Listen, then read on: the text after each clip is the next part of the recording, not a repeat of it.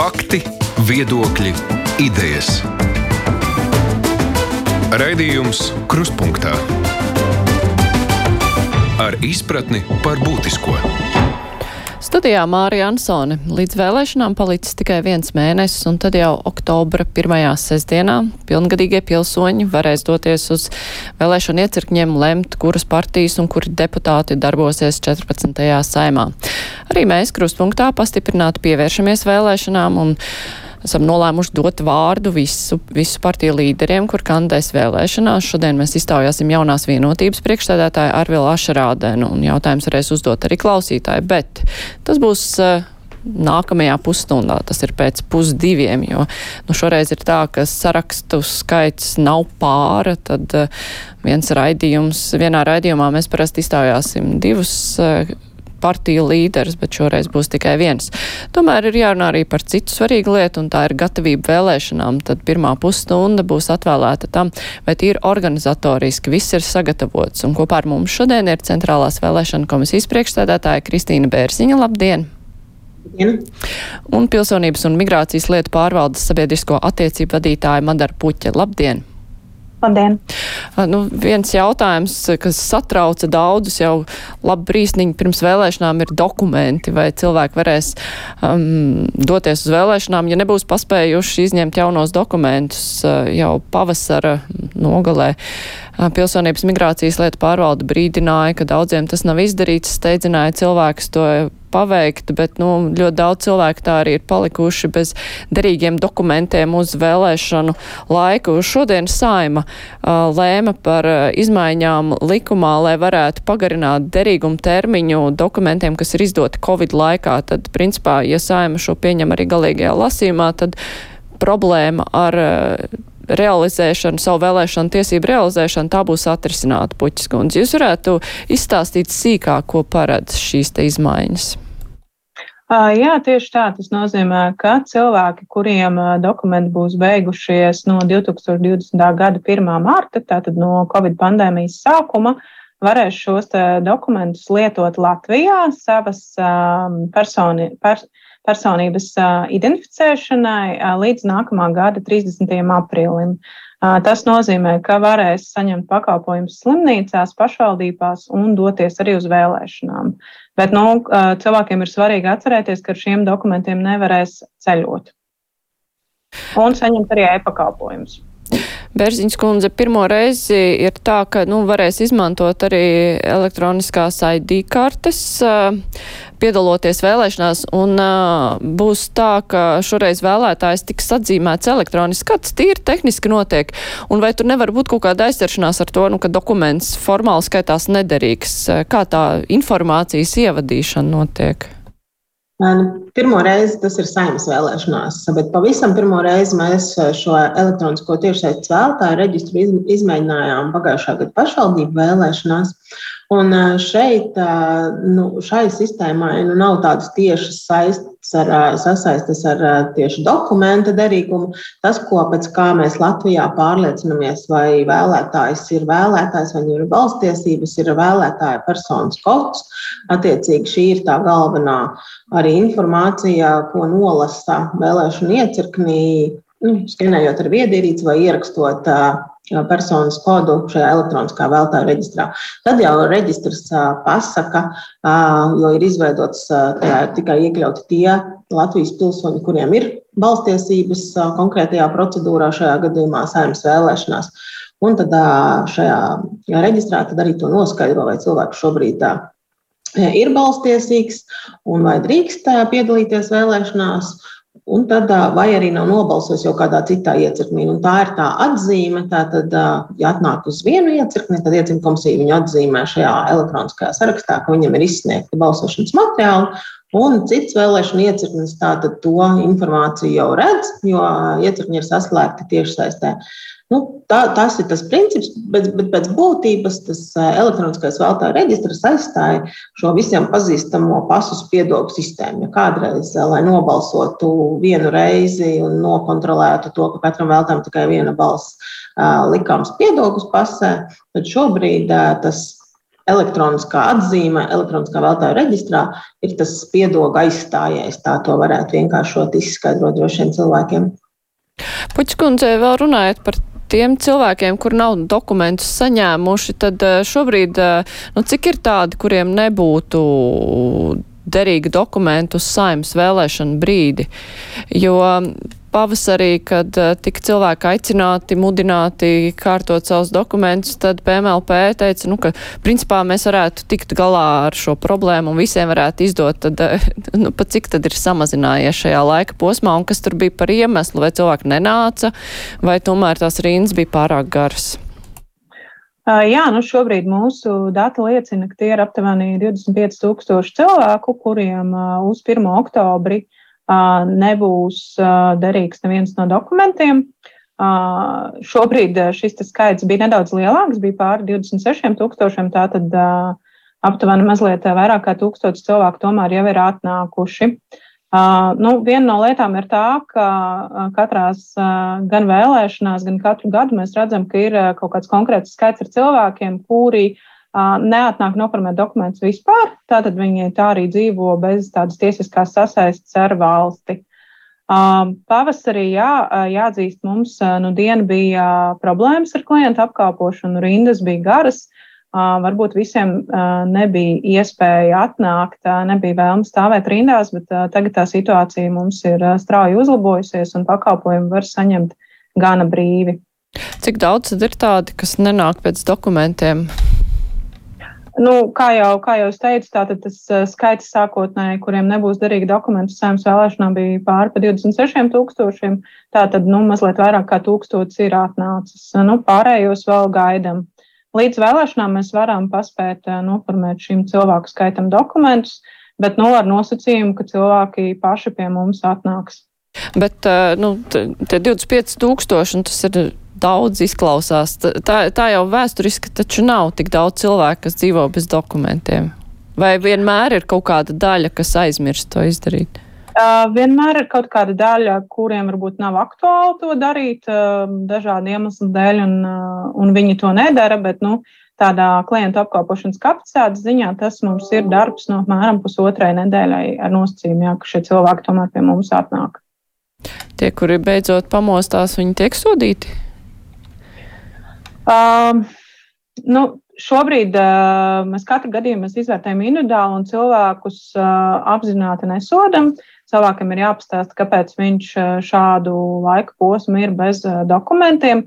Un tad tiek izvērtēts, ja tas, piemēram, ir Rīgā, kur objektīvi iemeslu dēļ uh, ir bijušas uh, garas rindas, tad, tad cilvēks var tikt cauri ar brīdinājumu.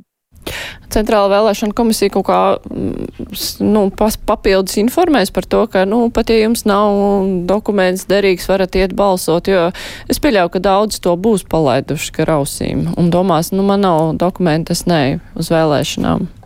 Ja es pareizi saprotu, tad nav jau gluži tā, ka visi dokumenti nederīgie būs izmantojami vēlēšanās. Līdz ar to mums mūsu vēstījumā nekas daudz nemainās tādā ziņā, ka tās ir tie tajā brīdī derīgi dokumenti. Un, ja tajā brīdī dokuments ir derīgs, kā mēs zinām, nu, nu pat no, noklausījāmies no pilsonības migrācijas lietu pārvaldes, tad tie būs tikai tie dokumenti, kas nu, nav nomainīti kopš sākās pandēmijas periods no 2020. gada.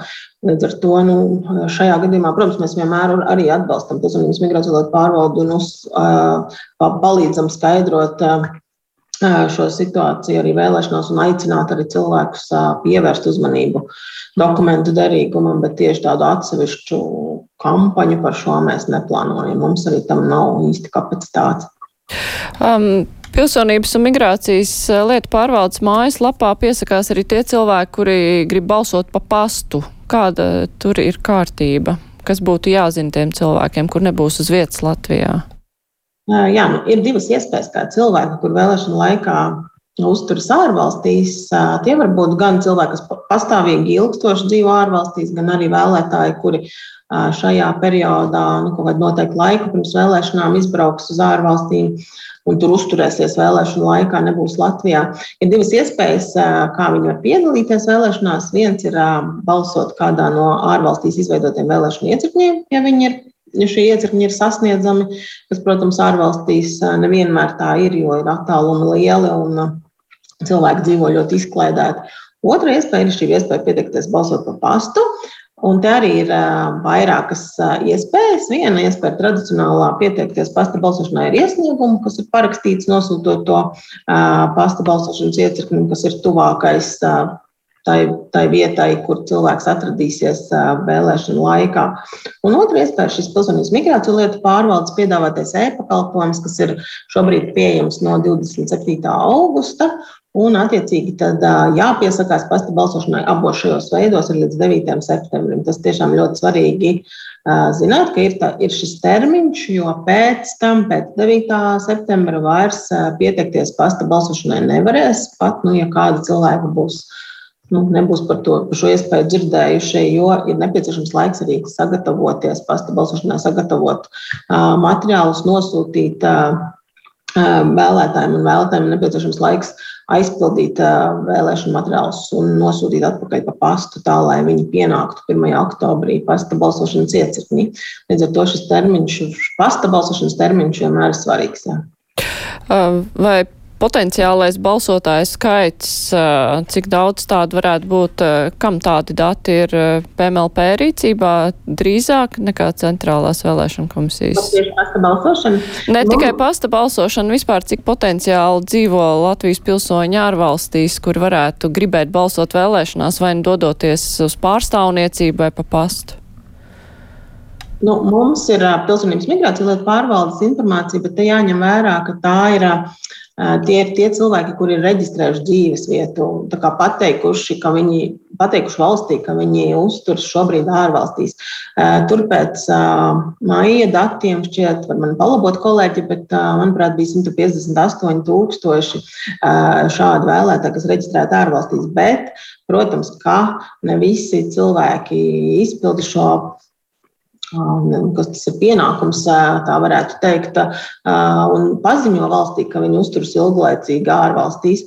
Un tad nu, ir tās aplēses, ko mums saka priekšā statistikas pārvalde, no nu, aptuveni 300 tūkstoši šādi vēlētāji droši vien varētu būt, kas, kam, kam šī iespēja balsot ārvalstīs ir nepieciešama. Protams, tas, vai viņi viņu izmanto, ir cits jautājums.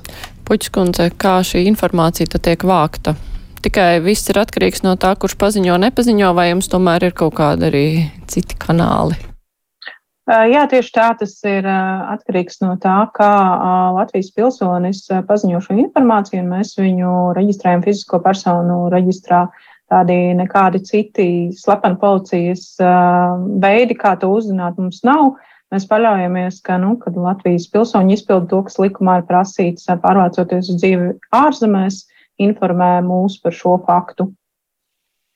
Mums klausītājs vaicā, vai vēlētāja elektroniskais reģistrs nepavērs praudziņu vēlēšanu viltošanai. Reģistrators var savaldīt visus, kas nav savadīt visus, kas nav atnākuši, un pa viņiem arī nobalsot. Cits klausītājs eh, vaicā, vai CVK ir nodrošinājies pret Krievu hakeriem. Kā tur ir ar to drošību? Nu, vēlēšanās, vēlēšana drošība sastāv, ja mēs runājam par iecirkni no vairākiem faktoriem. Nu, nav tā, ka tā brīvi tagad iecirkņu komisijas kāds loceklis var savadīt, savadīt vēlētāju reģistrā nezinu, nepareizas informāciju, pēc tam kaut kur atrast vēlēšanu aploksnes un sabalsot kā vajag. Tas, pro, tas balsošanas process sastāv no vairākiem tādiem posmiem, un tur ir iesaistīti vairāki cilvēki. Nav tā, ka ir tikai viens cilvēks, tur ir komisija no dažādām, dažādām partijām, no dažādiem arī bezparteiski cilvēki jā, ar pieredzi. Ir dažādas kontrola mehānismi, un tāpat arī šis vēlētāju reģistrs, kas ir elektronisks, viņam tiek veikta auditācijas pieraksti.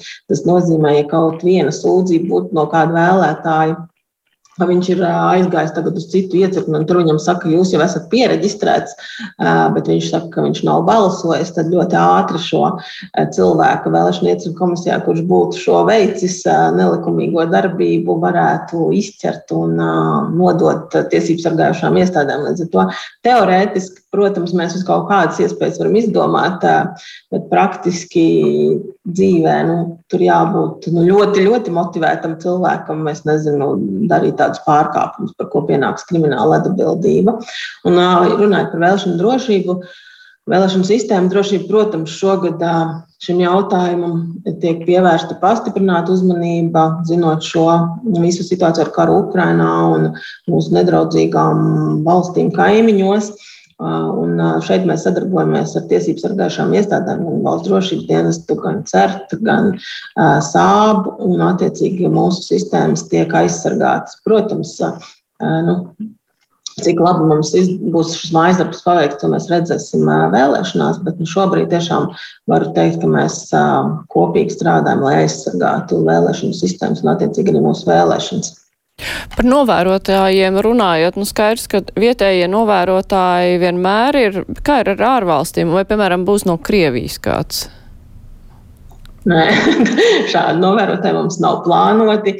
Ehm, starptautiskie novērotāji ir divu veidu. Viena ir starptautisko institūciju, kas arī uzrauga vēlēšanu jomu, vai šie ECO novērotāji. Par tiem mums ziņas ir, ka jā, būs arī šāda misija šajās vēlēšanās Latvijā. Otra starptautisko novērotāju grupa ir parasti mūsu kolēģi no citām valstīm, no citu valstu vēlēšanu administratoru organizācijām, kuri atbrauc nu, apmaiņā ar pra, pa, labās prakses apmaiņā, paskatās, kā mēs rīkojam vēlēšanas. Viņus droši vien nevarētu tādā klasiskā izpratnē dēvēt par novērotājiem, jo viņi nemeklē mums kļūdas. Viņi iegūst pieredzi, teiksim, tādā vēlēšanu mācību programmu, to vairāk varētu saukt. Savukārt, ja kādas vēl citas starptautiskās organizācijas vēlētos novērot vēlēšanas, viņi, viņiem būtu jāvēršas Centrālā vēlēšana komisijā, un katru gadījumu mēs izskatītu individuāli. Un, protams, ka novērotāji no Krievijas nu, nebūtu šeit vēlami. Es pieļauju. No šiem, ka vīzes arī nevarētu būt. Klausītāji raksta, ka viņai dēls ir praksē uz kuģa, gribētu vēlēt, bet iespēja nav. Tā var būt?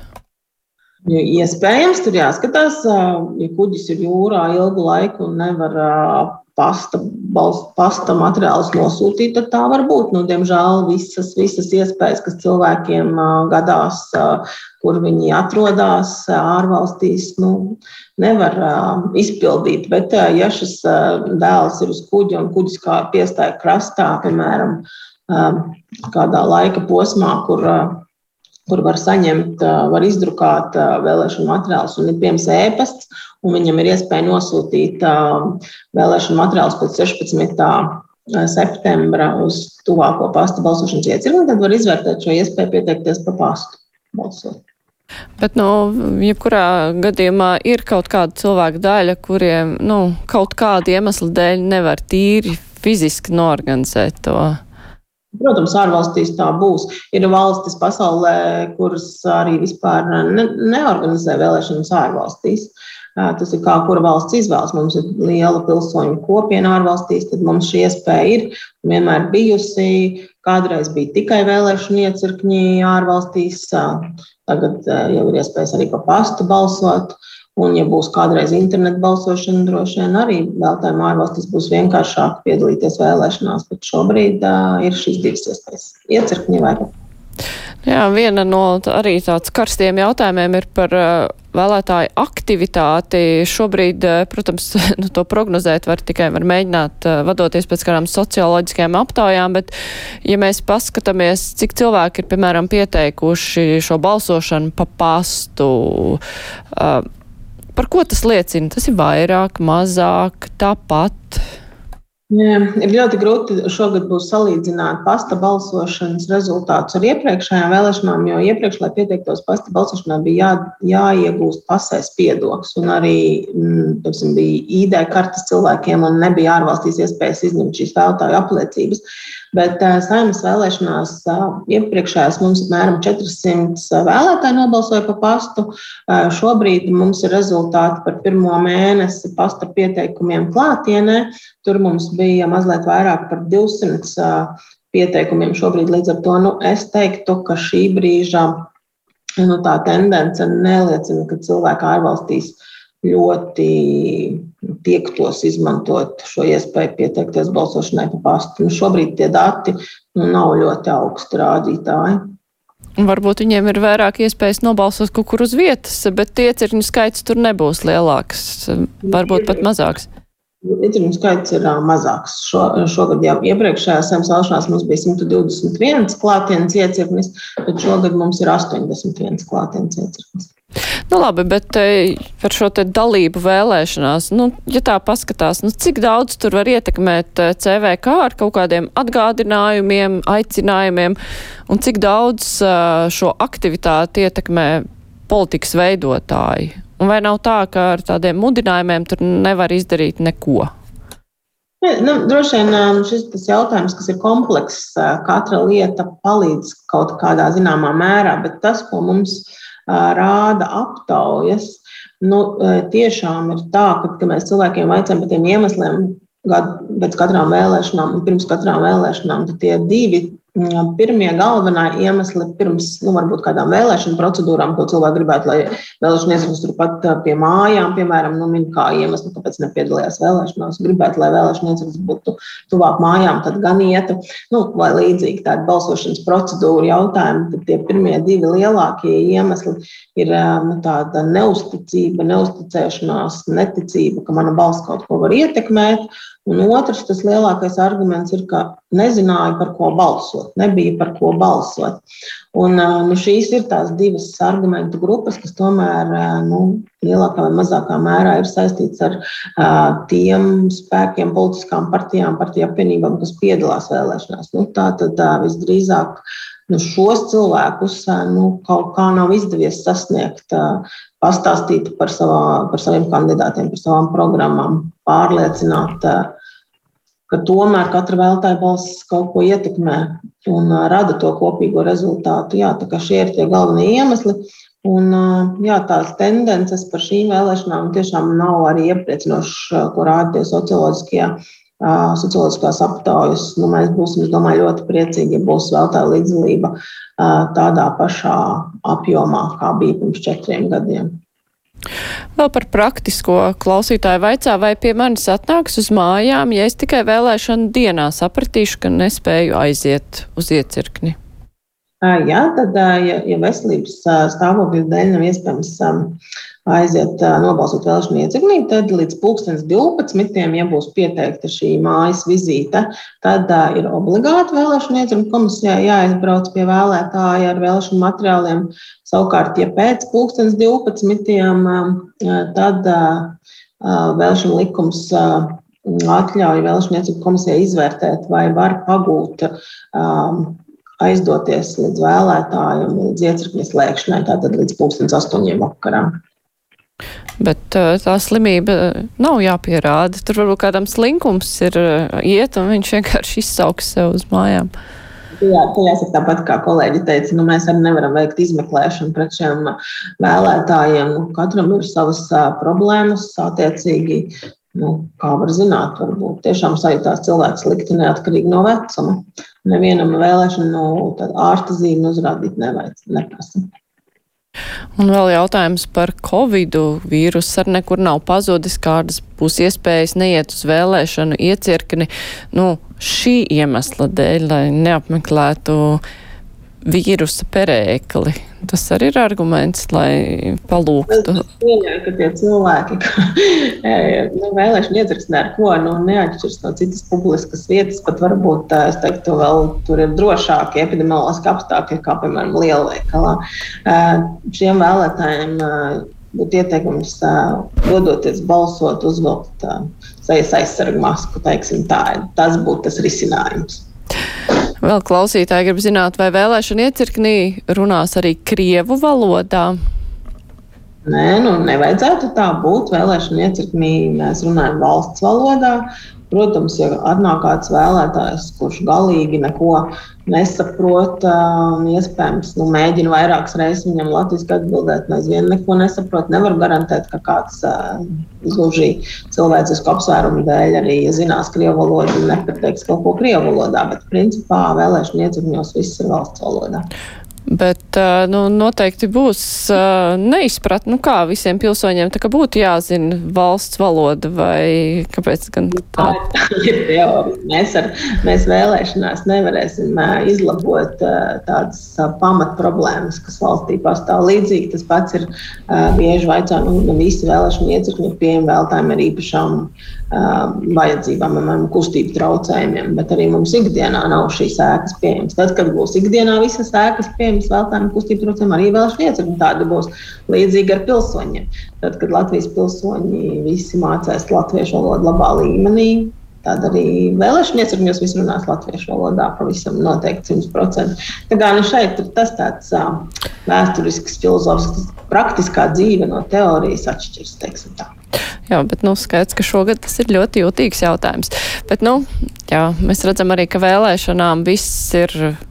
Nu, sagatavots vai vismaz pašreizējā brīdī, kam ir jābūt gatavam, tas ir darīts, un arī jautājums par neizņemtajiem jaunajiem dokumentiem, lai varētu piedalīties vēlēšanās, ka arī tas tiek risināts. Tā kā tā lielā problēma arī būs atrisināta. Es saku paldies šajā pusstundā kopā ar mums bija Centrālās vēlēšana komisijas priekšsēdētāja Kristīna Bērziņa un Pilsonības un migrācijas lietu pārvaldes sabiedrisko attiecību vadītāja Madara Puķa. Paldies, ka varējāt būt kopā ar mums, bet mēs tagad pievērsīsimies eh, partiju līderu iztaujāšanai. Raidījums Krustpunktā. Jā. 1. oktobrī vēlēsim saimu. Ko partijas un kandidāti izdarījuši un ko sola nākotnē? Klausies analīzi Latvijas radio ēterā. Jā, kā jau es raidījumu sākumā minēju, gaidot 14. saimnes vēlēšanas, divreiz nedēļā mēs aicināsim pie sevis partiju vai apvienību vai apvienoto sarakstu līderus tādā secībā, kāda būs sarakstu kārtas numuri. Un šodien mūsu studijā ir saraksta numur viens pārstāvis jaunās vienotības priekšstādētājs Arvils Ašerādens. Labdien, cienījamie radio klausītāji! Jā, klausītājiem e, ir būtiski zināt, ka šajā pusstundā jautājumus e, varēs uzdot arī viņi, gan rakstot, gan arī zvanot mums uz tāruņu numuriem 6722, 888, 672, 559. Palasot jaunās vienotības programmu, nu, tur ir, protams, pievēršanās tām būtiskajām lietām, kas satrauc visus. Šobrīd tā ir drošība un tā ir, ir ekonomiskie jautājumi. Un jūsu programmā ir minēts, ka jūs solat atbalstīt mājasaimniecības un uzņēmumus, nodrošinot mērķētu, ātru, pieejamu atbalstu energocēnu sadārdzinājuma un augstās inflācijas pārvarēšanai tuva, tuvākajās apkurses sezonās. Šis te mērķētā atbalsta trūkums un inflācija, nu tā ir problēma arī jau šobrīd. Um, tomēr iedzīvotāji nav pārliecināti, ka tas tiek risināts pietiekoši, it īpaši, ja mēs runājam par inflāciju, kas attiecas ne tikai uz energo resursiem. Kāds pamats vēlētājiem būs domāt, ka jūs to atrisināsiet pēc vēlēšanām, ja tagad cilvēki jau ir ļoti satraukti? No, tas primāri tas, ko valdība uh, dara šobrīd, ir, ir vairākas lietas, lai stabilizētu energokrīzi, kur izraisījuši brut, šis brutālais karš, Krievijas izraisītais brutālais karš Ukrainā. Un, un uh, tas, ko mēs darām, tad. Uh, Tātad viens ir gāzes piegāde un pāriet uh, gāzes piegādēm uz ilgtermiņa piegādēm, nevis šobrīd tā, tādām biržas darījumiem, kas arī dzēna augšā šo cenu. Uh, Tam vajadzētu izraisīt arī cenu samazināšanos nākamā gada, vai nu šī gada beigās, vai nākamā gada sākumā. Viens no lielajiem risinājumiem, protams, ir sadarbība kopā ar mūsu igauņu kolēģiem, kur šobrīd jau šis gāzes, LNG gāzes kuģis jau ir atstājis Dienvidamerika, dodas uz Igaunijas, Igaunijas Somijas pusi. Skatīsimies, kur viņi pieslēgs. Un tajā brīdī jau Latvijas energo var sākt strādāt ar, ar ilgtermiņa darījumiem, ja ir zināms šī pieeja šim terminālam. Tā, tas būtu nākamais, ir izveidot šī energopaketa iedzīvotājiem, atbalsta tātad pusi no sadārdzinājuma sedz valdība, otra pusi iedzīvotāji paši. Nākamā lieta, pie kā šobrīd mēs uzmanīgi, rūpīgi sekojam, kā attīstās elektro, tī, elektrības tirgus. Ja, skatīsimies, kādā veidā var risināt šo. Ir skaidrs, ka šobrīd tā pakete nebūs pietiekama, būs vajadzīgs vēl citas lietas. Tā kā elektrība ir nākamais, kas šobrīd ir fokusā, kas tiek vērtēts. Bet runa tad būs tikai par energoresursiem, jo nu, skaidrs, ka energoresursi ir iemesls sadārdzinājumam arī citām lietām, bet nu, tas cenu šoks, ko cilvēki jau šobrīd ierauga veikalā un kas ir ārkārtīgi Jā, tad, sāpīgs tiem, tiem, kuriem ir ienākumi nelieli, nu, viņus tas skar jau šobrīd, un viņi gaida jau tagad risinājumu. Nu, šeit ir diezgan ambiciozi, manuprāt, arī sociālā pakete, ne tikai energo pakete kā tāda ir, bet ir tā, tā pensiju indeksācija, kas bija pātrināta un diezgan būtiski ietekmē pensionāru ienākumus. Tāpat tās ir palielināt mājokļu atbalsts, kas attiecās uz, uz pietiekami plašām iedzīvotāju grupām. Līdz šim zināt, ka bija liela diskusija par to, ka tas nav pieejams visiem. Tieši tāpat tās ir vienreizēji pabalsti pensionāriem. Ar, tur ir dažādas gradācijas, gan pēc pensijas lieluma, gan dažādas, ja cilvēkiem ir dažādas teikt, arī invaliditātes pakāpes. Tur arī ir fiksēta pabalsta. Nu, šobrīd šis ir sagatavots. Nu, vienīgā grupa, kam, kam vēl varētu domāt, un, un tas arī ir bijis politiskās diskusijās. Es gribu teikt, šis vēl gal, galīgi nav viss. Ja? Tātad tās ir ģimenes ar bērniem, kas vēl palicis neatrisināts jautājums. Pacaušu klausuli, lai klausītājs var uzdot jautājumu. Halo, labdien! Labdien! Labdien! Es gribētu paprasīties, es otrās grupas invalīde, vai arī tāda pati būs palīdzība elektrībai kā pirmās grupas? Tas ir bieži dzirdēts jautājums, starp citu. Jā, tātad pirmās grupas invalīdiem ir aizsargātā lietotāja status, savukārt otrās grupas invalīdiem, ja es pareizi atceros šobrīd, tātad ir tiks maksāt vienreizēji pabalsti visu apkursu sezonas laikā. Summas precīzi nenosaukšu, bet tiem vajadzētu būt vismaz 20 eiro mēnesī. Klausītājs grib zināt, kāpēc jaunās vienotības premjerkandidāts vienlaicīgi nav arī partijas līderis. Rietumu pasaulē pieņemts, ka uz valdības vadītāja amatu pretendē partijas līderis. Nu, šeit nebūs pareiza informācija. Nu, es esmu priekšsēdētājs. Jā, jā, es esmu vienotības valdes priekšsēdētājs. Un jaunā vienotība, kas veido vairāk partiju apvienību, tās līderis ir Krišāns Kariņš. Uh, savukārt jautājums uh, no manas puses. Uh, Krišāns Kariņš vada valdību visu šo saimnes laiku. Visu šos četrus gadus. Jā, un nu, Latvijai tas ir tā neparasti. Tajā pašā laikā nu, pie mums ar mūsu politiskajām tradīcijām bieži tiek runāts, nu, ka cilvēks tur aizsēžās vienā krēslā pārāk ilgi un ka tas nav labi. Uh, ir liederīgi viņam, nu, tā kā iet atkal ar uh, pretendēt uz šo premjeru krēslu. Es... Jo mēs neesam ar Vācijas uh, politiskajām tradīcijām. Uh, te ir vairākas lietas. Pirms uh, vienotībai negāja nemaz tik viegli pārvarēt iekš, iepriekšējo politisko krīzi. Un, uh, tas svarīgais, ko es šogad gribēju teikt, ir ar astoņām vietām parlamentā mums izdevās sastādīt piecu uh, politisko partiju valdību, uh, piecu politisko partiju veidot valdību. Labi, līdz beigām palika četras, bet uh, tomēr noturēt viņu un darboties. Un, manuprāt, uh, ņemot vērā divas ļoti lielas krīzes, gan Covid krīzi, gan, gan, uh, gan drošības krīzi Ukrainā, kā Krievijas uzsākto karu Ukrainā, es domāju, ka premjerministrs ļoti labi šo novadīju, šo posmu. Es domāju, ka ņemot vērā šo vienotības centrisko pozīciju, kas ļauj sadarboties ar dažādiem politiskiem spēkiem, un mēs redzam, arī nākamā saimta šķiet būs ļoti sadrumstalota. Es domāju, ka Kariņkungs ir labākais premjerministrs, kas uh, var vadīt valdību nākamajā gadā. Viņam arī tika pārmests, ka nu, viņš ir mēģinājis iztapt vienam otram, un beigās uh, tie lēmumi sanāca nekādi jo tas deķis tika tā staipīts visām pusēm, nu, ka viņam pietrūks tāda ļoti konkrēta. Jā, es, šī, šī šo es esmu daudzreiz dzirdējis un saku, ka dodiet tur nākamo iekšā, viņš tur tā viss savadīs kārtībā. Lūdzu, pamēģiniet eh, novadīt eh, valdību, kurā ir, ir pilnīgi pretēji politiskie ieskati. Piedodiet, ir vieni konservatīvi spēki, vieni vēl konservatīvāki, tad ir liberāli un tad pa virsmu populisti. Ja? Un tad kaut kā sabalansēt šo visu kopā.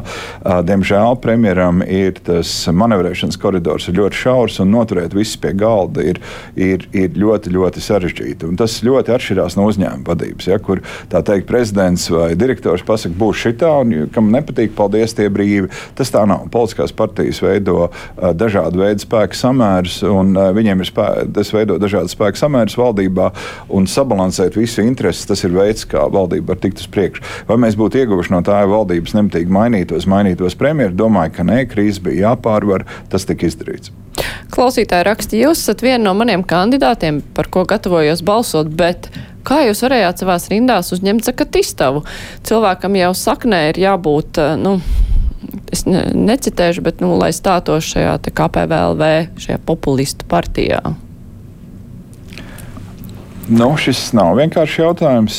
Zakatīstāv kungs uh, bija viens no uh, Artus kaimiņa un, un laikā arī Gobzem kungu partneriem veidojot šo populistu partiju. Um, sākumā mēs viņu tā arī redzējām, bet jāsaka, ka izjūkot šai te, politiskajai partijai, Zakatīstāvs ar neatkarīgiem deputātiem veidoja diezgan konstruktīvu atbalstu valdībai. Tie bija neatkarīgo deputātu grupa, kas parakstīja pēc tam līgumu ar premjeru. Un jāsaka, Zakatīstāvs kungs ir strādājis tiešām pārliecinoši. Nu, tas arī bija kalpojums par pamatu, ka mēs atbalstījām viņa kandidatūru. Pacaušu klausuli, labdien! Labdien! Man tāds jautājums ir. Pensionāri, kuri pensiona, pensionējušies no 2012. gada līdz šim brīdim, nav aprēķināta piemaksa pie pensijas par darba stāžu līdz 96. gadam, jo valdība to sola maksāt tikai pēc 2040. gada, jo mēs jūtamies apdalīti. Paldies, ko teiks deputāts kandidāts. Paldies par jautājumu. Jā, es tagad tik precīzi detaļas nezinu. Man šķiet, ka uh, pensiju sistēmā tiek aprēķināti visiem šie darbstāžu gadi un attiecīgi arī piemaksas. Ja tā nav noticis, tad, tad būtu jāskatās, kas tur būtu darāms. Um, runājot par kandidātiem un to, kā viņi tiks plusot un mīnusoti vēlēšanās, vai tādiem kandidātiem, kur saņems vairāk mīnus nekā plusus, jaunā vienotība piedāvās darbu valdībā, piemēram, ja viņi ne, netiks ievēlēti. Vai arī, ja tiks ievēlēti, jo atrodas ļoti augstā vietā sarakstā, bet, um, nu, būs acīm redzami, ka cilvēki viņus ir vērtējuši vairāk negatīvi nekā pozitīvi. Nu, šis vēlētājs, vēlētāja vērtējums ir ļoti svarīgs. Um, es neredzētu, uh, neredzētu, ka, ja vēl, neredzētu iespēju tam, ja vēlētāju verdikts būs negatīvs, ka uh, tātad šie cilvēki tiks virzīti uz darbu, darbu valdībā, īpaši, ja tie ir saraksts līderi vai katrā ziņā līderu grupā. Nu, tā, tas nebūtu iespējams. Ja vēlētāji ir pateikuši, ka nē šim kandidātam, tad nē. Es katrā ziņā redzu vienotību kā profesionālu partiju, kurai ir diezgan garš rezerves soliņš. Šeit es neredzētu problēmu šādā veidā rīkoties. Jo nu, šis jautājums izriet, tas, ko mums te klausītājs raksta, Štrunceris zakas izstau, bet reirs, kāpēc viņu nepatriec, jo tas ir kandidāts, par kuri ļoti pretrunīgas uh, atsauksmes vēlētāju vidū. Jā, esmu šo dzirdējis, bet viņš vada uh, sarakstu zemgalē un gaidīsim, kāds būs vēlētāju vērtējums. Pacaušu klausulī. Labdien! Varat uzdot savu Labdien. jautājumu. Labdien! Es varu runāt? Jā, lūdzu. Labdien, ir tāda lieta, es 6. augustā aizēju pensijā, bet man ir grupa līdz 6. augustā. Vai man pensijas pielikumus būs klāti, kas aizēju 6. datumā vai nē? Mums klausītāji jau tas uzējās, ka nebūšot.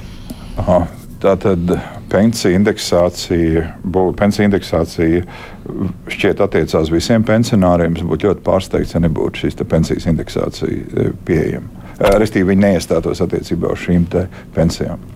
Klausītāji vaicā, e, kuru vienu politisko spēku jūs, ja varētu diskvalificēt un kāpēc? Nu, pašlaik eh, tā ainava ir eh, ļoti raiba, un eh, tas, kas mani pārsteidz šobrīd, ir, ir arvien vairāk mēs dzirdam nu, tādas balsis, kā piemēram, tiks vajāti visi tie, kas ir pieņēmuši lēmumu par šī okupācijas pieminiektu nojaukšanu, vai kas ir ņēmuši dalību šī okupācijas pieminiektu nojaukšanā. Nu, ja šī būtu iespēja šādi rīkoties, tad man, mans skatiens vēsto šajā virzienā. Pacaušu klausuli. Labdien, varat uzdot savu jautājumu. Halo. Labdien, mēs jūs dzirdam. Man ir tāds jautājums Ašerādēm kungam. Savā laikā jūs, Ašerādēm kungs, bijāt ekonomikas ministrijas vadītājs. Un tagad es gribētu zināt, kā jūs varētu attaisnot tādu situāciju, ka jūsu vadītās ministrijas ierēģi un jūs pats bijāt tādā stāvoklī, ka šī oika mafija jūs vairākus gadus vazāja aiz deguna, ražojot elektrību konteineros un pārvietojot šos konteinerus no viena novada uz citu. Tas ir Jā, bija tāds stāsts. Žurnālisti no, turklāt to atklāja. Jā, bija diezgan daudz stāstu. Nu, šķiet, ir uh, Pietiekami liela daļa ir šobrīd notiesāti, un šīs stacijas ir slēgtas. Jāsaka, ka atradām arī bija stacijas, kurās bija pat nebija nebija tā teikt, bija viltus nodošana. Pat tās mašīnas nebija palaistas, bija ģeneratoriem palaista teiksim, mākslīgi pieslēgumi. Arī, cil, arī pret šīm staciju īpašniekiem ir bijusi vērš, ir noteikti veida li, nu, likumiska vēršanās. Es gribu teikt, ka šobrīd, ja mēs skatāmies līdz šim brīdim, manā periodā sākās radikāls oika samazinājums. Viņš šobrīd tuvojas pie 60-70%. Arī tas kalpoja par pamatu, lai valdība varētu varētu pieņemt lēmumu, kā, kādā veidā šo OIK sistēmu kā tādu likvidēt. Tā kā es gribu teikt, vērsāmies ļoti stingri, un arī OIK vērsos ļoti stingri pret tiem, kas krāpās, un tieši tāpat arī samazināja OIK kā tādu savā laikā. Tā kā es neredzu šeit tādu, par ko man būtu jātaisnojas. Klausītāja jautājums. Labdien, esat ēterā! Labdien! Man nav skaidrs tāds lūdzu jautājums, varbūt man paskaidrojiet. Ministru kabineta noteikumos ir rakstīts, ka invalīdam braucot uh, sabiedriskajā transportā vajag uh, nu, apliec, uh, apliecību pasi vai, vai ED karti vest. Ah, un ja es esmu invalīde, un man tagad ir jau pens pensionāra apliecība, uz kuras ir gan fotografija, gan kodi un personu kodi un viss un viņa neder. Man vienalga pieprasa pasi, jo tā, tāds ir uh, ministru kabineta noteikumos. Jā, no ministra kabineta noteikumos ierakstīts, ka ir uh, divi akceptējami dokumenti, pasi vai ID karte. Nu, man jāatvainojas tiem iedzīvotājiem, ka man jāstāv šobrīd garās rindās, lai saņemtu šos dokumentus, bet nu, tāda ir noteiktā kārtība valstī. Klausītājs vaicā, ko sakat par Solvīts Abotiņas teikto, ka visi partijā ir ņuņas un švakuļi. Tā viņa ir nu, sacījusi. Tas bija ļoti sen. Uh, nu, es gribu teikt, ka jaunai vienotībai Sovjets aboltiņas periods maksā ļoti dārgi. Mēs tiešām knapi, knapi izķeprojamies iepriekšējās vēlēšanās. Nu, šobrīd uh, ar novadīt ar mazāko frakciju parlamentā, novadīt valdību, nu, es negribētu teikt, ka tas apzīmējums kaut kādā veidā attiekties uz tiem, spā, tiem uh, partijas biedriem, kas strādājuši šobrīd. Šobrīd eh, partijā nav tādu cilvēku, kas varētu arī kaitēt eh, partijas kopīgiem tām. Jo nu, ir, ir cilvēki, tas pats Jānis Rērs, kurš ir saņēmis ārkārtīgi daudz kritikas. Nu, šķiet, ka mēs esam atvadījušies no, nezinu, teiksim, tā, mums vairs nav zaķa faktors vai, vai, vai, vai aboltiņas faktors. Uh, otrs ir uh, partija strādājusi ļoti saliedēti. Es gribu teikt, arī divi, divi tās līderi ir, manuprāt, ļoti pārliecinoši. Gan, gan Kariņkungs, gan Rinkevičs. Nu, Es gribu teikt, ka uh, finanšu ministram Reiram arī nav viegli no šajos trakajos laikos, kad visiem ir vajadzīga palīdzība. Tomēr tas valsts maks arī ir jāsargā. Es lepojos ar saviem kolēģiem, un es nedomāju, ka tā ir problēma. Pacaušu klausulī. Labdien! Varat uzdot savu jautājumu? Labdien! Labdien! Gribētu izteikt lielu, lielu pateicību vienotībai, cik viņi un kādiem personīgi, cik viņš veiksmīgi un, un, un vada, vada, dara savu darbu. Jā, Kariņam personīgi nesanāks, bet to jūs varat nodot. Bet cits klausītājs grib uh, saprast, kuras ir trīs, jūsuprāt, vienotības kļūdas. Nu, ko darīt savādāk tagad, paskatoties pagātnē? Pagātnē jūs domājat, cik tam jāpasaka? Nu, šajā, šajā sasaukumā, šajā grūtajā periodā, acīm redzot, uh, klausītājs domāja. Um. Es nezinu, vai būtu jāuzskaita tur viens, divi, trīs, bet uh, es domāju, ka mēs varējām uh, rīkoties dinamiskāk, uh, pārkārtot ministru kabinetu. Mēs ilgstoši mēģinājām uh, uh, tā, pa labām un mēģinājām vienoties ar kolēģiem. Es domāju, tās pārmaiņas, kas bija, bija, bija kas, kas notika, viņas iespējams varēja notikt ātrāk, un mēs būtu vieglāk tikuši pāri tām krīzēm, kas mums uh, bija īpaši Covid laikā. Klausītājs zvana. Labdien, varat uzdot savu jautājumu. Labdien!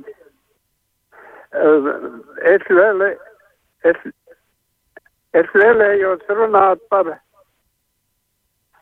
pašvaldībām, kuras pārzina partijas pašvaldības. Nu, un šīs pašvaldības mūsu partijas pašvaldības no man 90 gadu vecumā piesūtīja ne, ne, uh, Jā, tur nevarēja īsti saprast, pacēšu vēl vienu Jā. zvanu. Labdien! Labdien!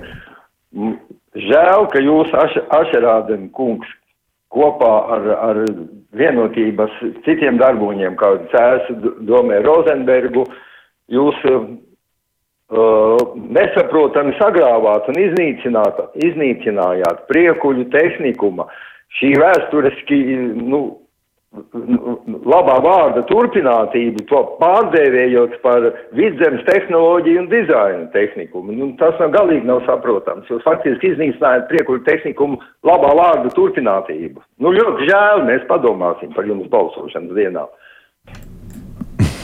Paldies.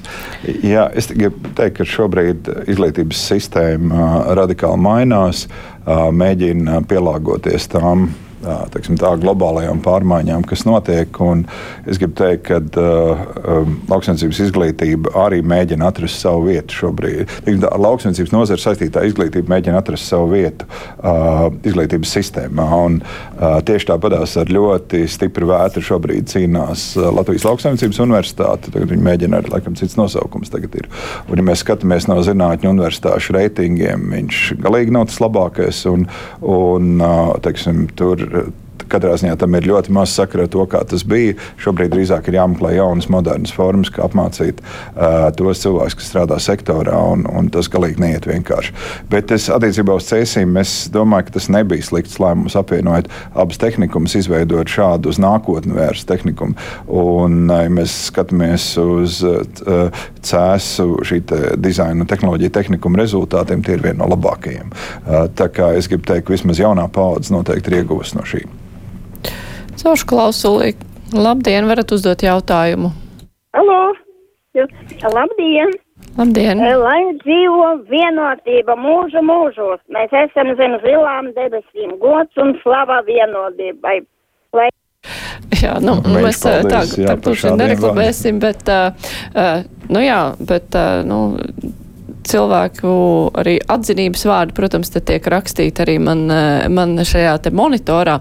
Bet runājot par eh, partijas ilgmūžību, viedoklis, kurš arī ir dzirdēts, vai partija nebaidās no tā, nu, no kaut kādas zināmas stagnācijas, ko ir piedzīvojuši jau citi politiskie spēki, kuriem ir ļoti veicies kaut kādu laiku, un tad uh, viņi ir aizgājuši tādā, nu, pašapmierinātībā, stagnācijā, kamēr viņus jau sāk uzskatīt par tiem vecajiem, kur ir jāizmēž. Vai šādu uh, tendenci savā partijā jūs nejūtat?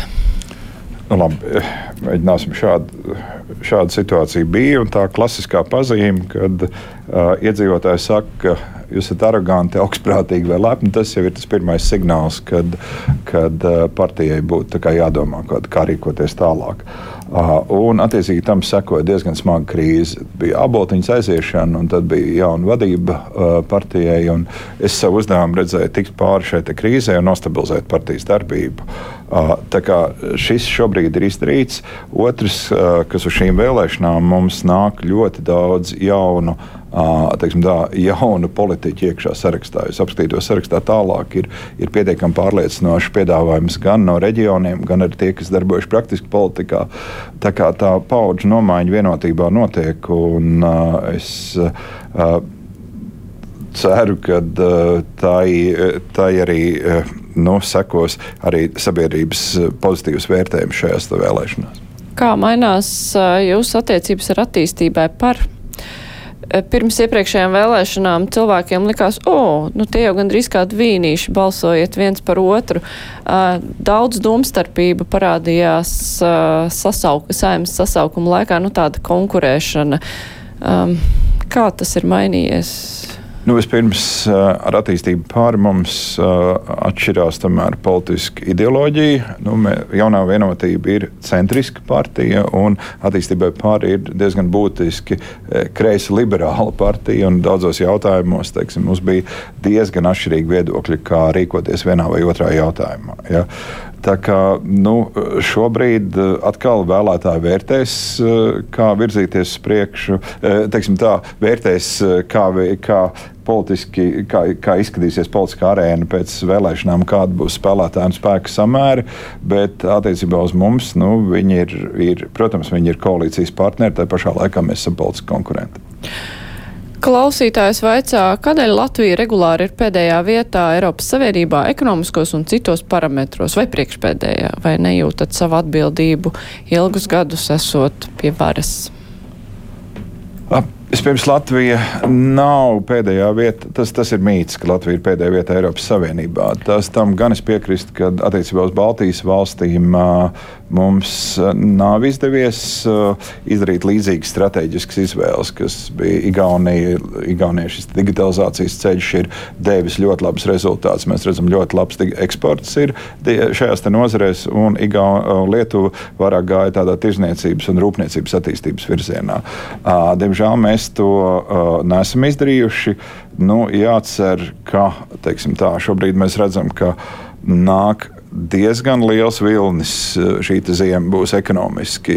Es domāju, gan inflācija, gan arī visas pārējās vērtību ķēžu izmaiņas. Ekonomika tiks piebremzēta. Nu, ceram, ka nākamajā attīstības ciklā skatāmies šobrīd uz tās lietas, uz ko likt, lai izaugtu. Es, dom es domāju, ka mums ir labas perspektīvas izlīdzināties. Piemēram, skatījāmies, patīkams pārsteigums bija tas pats desīja digitalizācijas indeks, kur Latvija bija nu, tādā tiešām pēdējā vietā. Latvija ir stipri pavirzījusies uz vidu, un mēs mēs sākam jaunajās tehnoloģijās un inovācijās iedzīt. Jā, nu, raudzīsim, kā tad izdosies šī iedzīšana. Es savukārt saku paldies. Šodien kopā ar mums bija Arvēls Ašarādens no jaunās vienotības. Mēs partiju pārstāvis turpināsim iztaujāt arī nākamajos raidījumos, bet šodien kruspunktā ar to arī izskan raidījuma producenti Revi Junām, savukārt studijā bija es Māra Jansona. Visu labu! Fakti, viedokļi, idejas. Raidījums Krustpunktā ar izpratni par būtisko.